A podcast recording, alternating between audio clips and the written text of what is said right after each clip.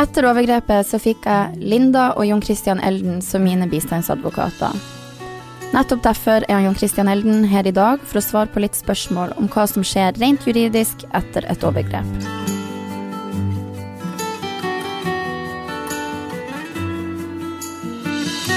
I dag sitter jeg her med Jon Christian Elden, og grunnen til at du er her i dag, er jo for at du og Linda har, jo vært og er mine bistandsadvokater i forhold til min sak. Og det er kanskje ikke så mange som vet hvordan man går frem etter en voldtekt når det kommer til det juridiske. Så hvordan går man egentlig frem etter en voldtekt? Hvordan går man frem for å få en advokat, og kan man velge sin egen bistandsadvokat? Ja, Det siste er eh, svaret ja. Eh, du kan velge hvem du ønsker som bistandsadvokat, forutsatt at vedkommende vil påta seg oppdraget og har mulighet til å gjøre det. Eh, og det er fortsatt slik at hvis du er utsatt for et overgrep, så vil du de aller fleste tilfellene ha rett på gratis advokatbistand, slik at altså det offentlige betaler denne timesatsen til advokatene. Mens valg av advokat, det foretar du selv. Eh, hvis du ikke kjenner til noen advokater eller har noe navn å forholde deg til, så har politiet gjerne satt opp noen lister med personer som har sagt seg villige til å stå på en slik liste, eller da er såkalte faste bistandsadvokater i den lokale domstolen. Og Dette er personer som da skal kunne ekstra mye om denne type saker og hvordan man eh, går frem. Men du har altså rett på eh, juridisk bistand fra si minutt nummer én etter at du har vært utsatt for et overgrep, og fra du vurderer å anmelde det, gjennom anmeldelsen og gjennom hele prosessen. Ja. Uh, men når man har fått en bistandsadvokat, hvordan går veien videre da med tanke på avhør og etterforskning? I denne type saker så er noe av det viktigste at politiet så tidlig som mulig får forklaringen til den som er utsatt for et overgrep, sånn at de kan sette i gang etterforskningsplan. De må vite er det noen vitner i denne saken, er det personer som skal avhøres, uh, hva har skjedd, slik den fornærmede da Eh, rapporterer om dette. Skal man arrestere den personen som anklages, eller skal man kalle han inn til avhør senere? Er det bevis som kan ødelegges?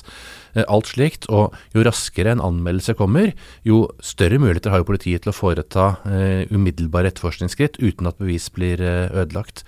Da kommer du og anmelder en noe eldre sak, så er det også vanskeligere for politiet å gå til en arrestasjon av den personen som anmeldes, f.eks. Men hva er det bistandsadvokaten sin jobb går ut på, sånn egentlig? Fra å rådgi i en innledende fase til om man skal anmelde, til å være til stede under en anmeldelse, til å sørge for at uh, politiet når de tar avhøret, stiller de riktige spørsmålene. Uh, og Da er det en fordel å ha en erfaring fra domstolene, vite hva vi retten spør etter i sin tid. Uh, passe på at politiet ikke overser poenger som kan vise seg å bli viktige kanskje et år eller to etterpå, når denne saken endelig skal avgjøres i systemet. fordi at hvis ting blir ødelagt i løpet av de første dagene, så kan det aldri gjenskaffes. I min sak så ble det jo henlagt på bevisstilling, og det blir jo som regel det i de fleste saker når det kommer til ord mot ord. Hvordan muligheter har man etter en henleggelse, juridisk sett? Det er jo sånn i uh, straffesaker at står det ord mot ord, så skal ikke uh, staten ilegge uh, straff. Det skal man gjøre når man er sikker på et overgrep. det at det står ord mot ord, betyr ikke at det ikke har funnet sted et overgrep. Det er altså ikke noe, det har ikke noe med å tro på eller ikke tro på å gjøre, men det har noe å gjøre med at staten skal være helt sikre før man frihetsberøver noen. og Det er et sunt i en hvilken som helst rettsstat. så ut fra, den, ut fra, den, delen så er det viktig at det blir fulgt opp. Mm. Men har man noen muligheter man kan gjøre etter en henleggelse? Hva, er det noe man kan man kan, man kan jo ikke anmelde på nytt, eller Nei, og hvis en sak er eh, henlagt, så har du jo en mulighet som naturligvis er å søke såkalt voldsoffererstatning etterpå, som er noe som staten da kan betale ut hvis man finner et overgrep eh, tilstrekkelig sannsynliggjort. Det er uavhengig av om man dømmes i straffesaken eller eh, ikke. Det vil også advokaten kunne bistå med. Og så er det alltid sånn at hvis en sak er henlagt, det er jo to ting som kan likevel være positivt i forhold til å innhente en anmeldelse. Eh, det ene er at saken kan tas opp på nytt igjen om det skulle dukke opp noen nye bevis om et eller annet skulle skje eh, senere. Eh, og det andre er jo at det kan ha betydning for vurderingen om en person er anmeldt f.eks. ved flere anledninger, at det gjør politiet en foranledning til å se nærmere på denne personen. Men hvis saken da kommer opp i retten, hvordan fungerer det praksis, ja, hvordan fungerer det i praksis fra start til slutt? Hvis saken kommer opp for retten, dvs. Si at det blir tatt ut en tiltale fra statsadvokaten, da har politiet etterforsket den ferdig, og statsadvokaten vurderer at det, det både uh, er bevist at vedkommende er skyldig, og at man kan føre bevis for det i retten. Uh, da blir det innkalt til et uh, rettsmøte. Det blir åpnet en forsvarer til den personen som er tiltalt, og den som er fornærmet har sin bistandsadvokat. og Da blir man kalt inn til et rettsmøte i tingretten. Eh, hvor da den som er fornærmet først skal gi forklaringen sin, så dommerne får høre på den, forklare hva han mener har skjedd. Etterpå det så vil den som er tiltalt få lov til å gi sin versjon, og så er det eventuell bevisførsel utover eh, dette.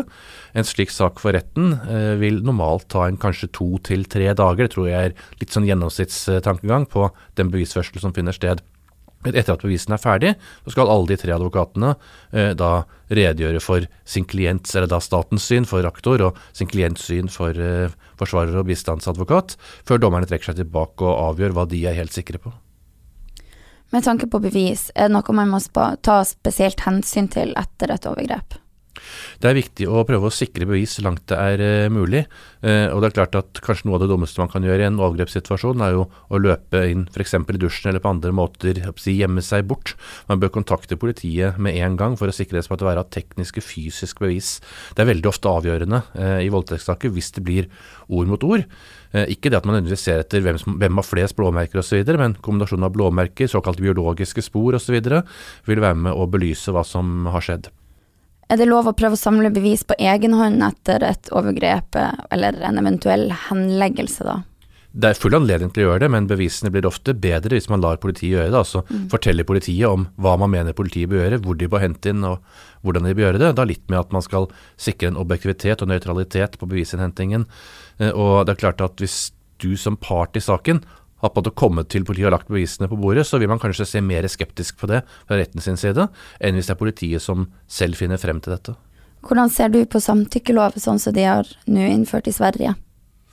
Samtykkelov er en litt vanskelig lovgivning, eh, fordi at man flytter ansvaret over til eh, at den som eller jenta da normalt, eh, hvordan, hva har vedkommende sagt, hvordan har hun opptrådt, har hun gitt et samtykke, er det forstått som et samtykke? Du får altså fokus den veien, i stedet for fokus på om den seksuelle aktiviteten er eh, frivillig eller tvungen. Eh, og det lovverket vi har per i dag, det fanger opp at de fleste tilfeller av ufrivillig seksuell aktivitet, det rammes av straffeloven. og Målet til stortingspolitikerne når de vedtar, vedtok straffeloven sist, var jo at eh, alle tilfeller av påvist eller bevist ufrivillig sex eh, skulle rammes av straffeloven.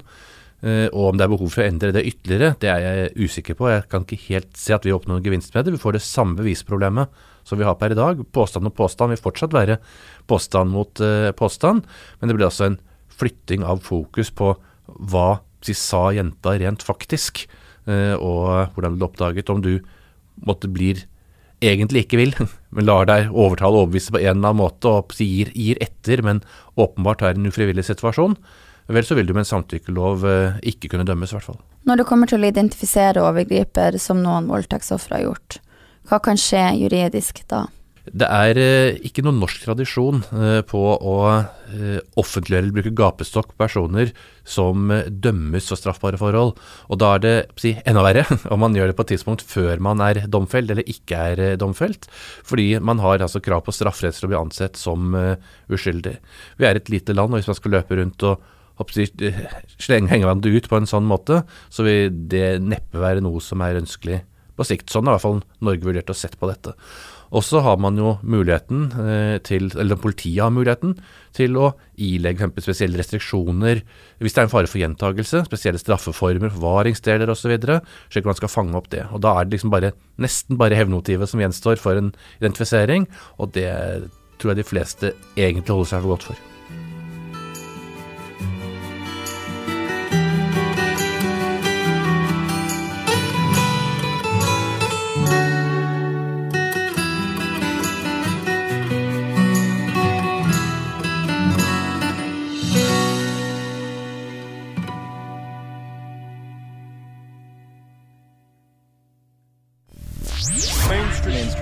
mainstream thing